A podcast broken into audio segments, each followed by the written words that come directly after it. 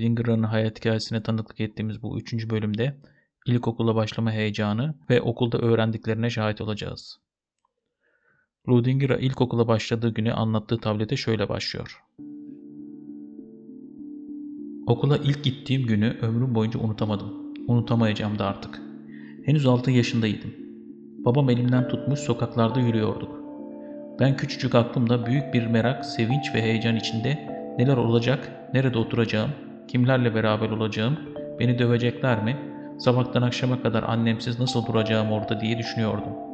Okulda benim gibi çocukların olduğunu duyuyordum. Acaba ben onları sevecek miyim, onlar beni sevecekler mi diye bir yığın soru vardı aklımda. Bir taraftan da orada birçok bilgi edineceğimizi düşünerek seviniyordum.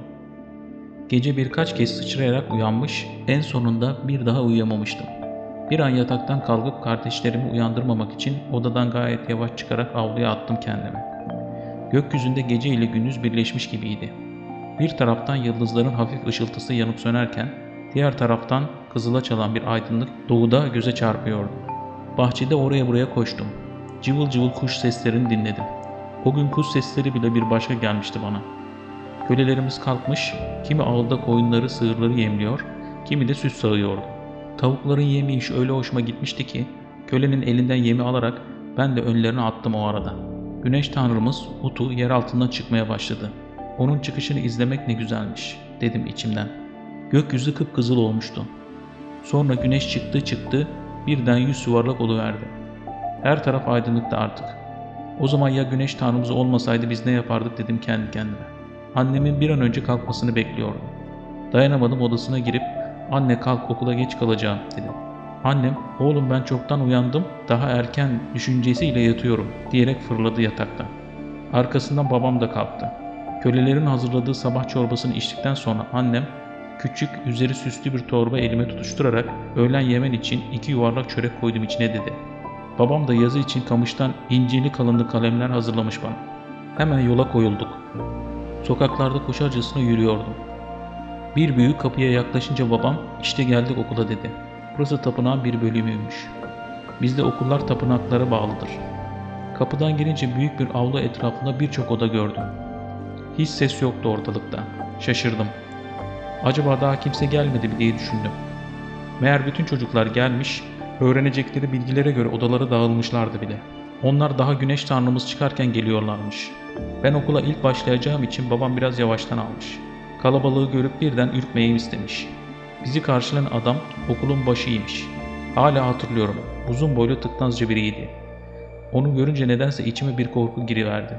Babam ona, işte size söylediğim oğlum Ludingirra. Onu size veriyorum. Buradan her bilgiyi öğrenmeden çıkarmazsınız. Eti sizin, kemiği benim dedi. Bunun ne demek olduğunu bilmediğim için öyle şaşırmıştım ki. Sonradan öğrendim. İstediğiniz kadar dövebilirsiniz etlerini ama sakın kemiklerini kırmayınız demekmiş. Şimdi Ludingera'nın ilkokula başladığı o gün içtenlikle hislerini anlattığı o cümleye bakalım. Baş öğretmen elimden tuttu. Başladık yürümeye. Eyvah babamdan ayrılıyordum. Kendimi öyle yalnız, öyle zavallı hissettim ki sanki annemi babamı bir daha hiç göremeyecekmiş gibi geldi. Ludinger'a bu hislerini anlatırken bu hislerin çağlar boyunca değişmediğinden eminim. Birçok insan çağımızda bile ilkokul günü bu hisse kapılmıştır. Ya da kapılan insanları gözlemlemiştir. Ludingera'nın bu anıları bu anlamda da benim için çok önemli. Burada 4000 yıl önce bir anın şimdiki yaşadıklarımızdan bir farkı olmadığını keşfetmek, benzer anları yaşarken bunların çok hoş bir hayat anekdotu olduğunu o an anlayabilmek, birçok edebi ve sanat eserinden benzer anları empati ile keşfetmek, yaşadığımız anın değerini hissetmemizi sağlayacaktır. Sonuç olarak yaşamımızın her hissini anlamlandırmanın bana göre yaşam kalitesini ve farkındalığını arttıracaktır. Ludingira'nın hikayesine dönelim. Bakın Ludingira sınıfını nasıl tanımlıyor. Baş öğretmen beni bir odaya sokarak orada bulunan öğretmene işte size yeni bir öğrenci. Babası onu her bilgiyi öğrenmeden buradan çıkarmamak üzere bize getirdi diye beni bırakıp gitti. Çocuklar yere serilmiş hasılar üzerinde önlerinde altları düz birer küçük sepet ile oturmuşlardı. Öğretmen benim elime de bir sepet verdi ve köşedeki kil yığınını göstererek oradan bir parça al ve şuraya otur dedi. Önde oturan çocukları sıkıştırarak bana bir yer açmıştı. Ben hemen bir toprak ıslak kili alarak dizlerimin üstüne çöktüm. Otururken bir taraftan da göz ucuyla çocukları ve odayı gözlemliyordum. Görünüşe göre odada en küçük bendim. Karşımızda yüksekçe bir oturma yeri, yanında duvara dayalı uzunlu kısalı kalınlı inceli kamışlar vardı. Orası öğretmenin yeri olmalı dedim içimden. Fakat o kamışlar bizi dövmek için miydi? Birdenbire hepsi vücuduma çarpmış gibi titredim. Ben bunları aklımdan geçirirken öğretmen yanıma gelerek ''Bak kili böyle yapacaksın. Kamışı da üzerine böyle bastıracaksın.'' diye gösterdi. Kili avucumun içine alarak elma gibi yuvarladım ve iki tarafından bastırıverdim. Kenarları yuvarlak mercimek şeklinde bir şey oldu. Öğretmen torbamdaki kamış kalemlerden birini seçerek kil üzerine bir kez bastırdı ve ''Haydi bakalım bunun gibi yapmaya başla.'' dedi. Ben büyük bir dikkatle kamışı onun gösterdiği gibi bastırmaya çalışıyordum. Her bastırışta baş kısmı üçgen şeklinde bir çizgi oluşuyordu. Rudinger'a bir süre sonra sıkılıp oyun hamurundan oyuncak yapan çocuklar gibi kilden şekiller yapmaya başlamış. Bunu gören öğretmen çok kızarak neden yazı yazmıyorsun diyerek bağırmış. Çok korkan Ludingira hemen yeniden tablet haline getirdiği kille yazılar yazmaya başlamış. Akşam olunca eve gelen Ludingira ev ahalisi tarafından okulda eğlendin mi, arkadaşlar edinebildin mi, öğretmenini sevdin mi gibi sorularla soru yağmuruna tutuluyor. Sokakta oyun oynamak yerine bir yere kapanmanın en başlarda sıkıcı geldiğini fakat sonradan buna alıştığını anlatıyor. Bir ay olan 30 gün içinde 3 kutsal gün, 3 dinlenme günü olmak üzere 6 gün haricinde her gün okula gittiğini, yeni arkadaşlar edindiğinden bahsediyor. Öğretmenleri çizgi çalışmalarından sonra alfabelerini öğretmiş. Sonra da kadın ve erkek isimlerinden oluşan bir listeyi kısım kısım kopya etmişler. Genelde ellerindeki tabletleri kuruyuncaya kadar yazıp bahçeye atarlar, sonra sulayıp tekrar yazı yazabilecek hale getiriyorlarmış. Okulun oldukça katı kuralları olduğundan bahsediyor Ludingira. Bu kurallara uymayanlara öğretmenler farklı uzunluktaki kamışları yerlerinden kalkmadan rastgele bir yerlerine indirirmiş. Ludinger anlatımına şöyle devam ediyor. Ödüm patlardı bana da vuracak diye. Onun için okulun bütün kurallarını dikkatle izlemeye çalışırdım. Oldukça katı kurallarımız vardı. Tabletini iyi yazamayan, üstü başı, eli yüzü kirli olan, izin almadan konuşan, toplantılarda rahat durmayan, Sümerce konuşmayanlar dayağı hak etmiş olanlardı. Bu kurallar hep devam ediyor kuşkusuz. Okulu bitirmem uzun yıllar aldı. Çünkü ben verilen her bilgiyi öğrenme merakındaydım. Yaşım ilerledikçe öğrenilecek pek çok bilgi olduğunu fark etmeye başladım. Ben de onların hepsini bilmek istiyordum. Bazı çocuklar yazıyı biraz öğrenince okulu bırakıyorlardı. Ben genel olarak yazı şekillerini, her şeklin Sümerce, Akatça yazılışını, okunuşunu, anlamını ezberlemek hiç kolay değildi. Bu arada kili uygun yumuşaklıkta tutmamız, satırları bile birbirine karıştırmamamız ve yazı şekillerini güzel yazmamız gerekiyordu. Öğretmenler gibi yazabilmem hiç de kolay olmadı. Çünkü biz yazıyı heykel yapmak, mühür yazmak, değerli taş ve madenleri işlemek gibi bir sanat olarak düşünüyoruz. Bilgeliğin koruyucusu Tanrımız Yüce Enki, bütün sanatları içinde en zor olan yazı sanatıdır demiş. Atalarımıza göre de yazı sanatın babası, konuşmanın ve bilginin annesiymiş. Zamanla öğretmenler öğrenmeleri ve ezberlemeleri için bir yığın tablet vermiş. Bu tabletler taş, ağaç, maden, bitki, hayvan, kent, ırmak, kanal, meslek bilgilerini içermekteymiş. Bunlardan sonra ev, tarla, bahçe, hayvan, köle alım satımı, kiralanması, evlenme, boşanma, evlatlık edinme, evlatlıktan çıkarma, sözleşmelerin örneklerini içeren sözleşmeler üzerine çalışmışlar. Rudinger öğrencilik yılları hakkında şöyle devam ediyor. Bana en büyük zevki veren, tanrılarımız, kahramanlarımız hakkında yazılan hikayeler, ilahiler ve şiirlerdi. En zor gelen ise özellikle ilk zamanlarda matematik ve geometriydi nedense. Çarpım tablosunu ezberleyinceye kadar bir hayli sıkıntı çekmiştim. Çok büyük sayılarla çarpmalar, toplamalar, çıkarmalar, bölmeler yapıyorduk.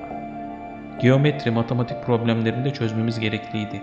Evvela bunlar bize niye lazım diye düşünüyordum. Fakat sonradan bunları bilmeden o büyük tapınaklar, her türlü yapı, kent duvarları, kanallar, tekneler nasıl yapılır, alışveriş ne hale gelirdi diye bunların öğrenilmesinin ne derece önemli olduğunu kavrayabildim. Dil dersleri de önemlidir okulda. Özellikle son yüzyıllarda okuyanların iki dil bilmeleri zorunludur. Biz Sümerli yerli halk olarak Sümerce konuşuyoruz.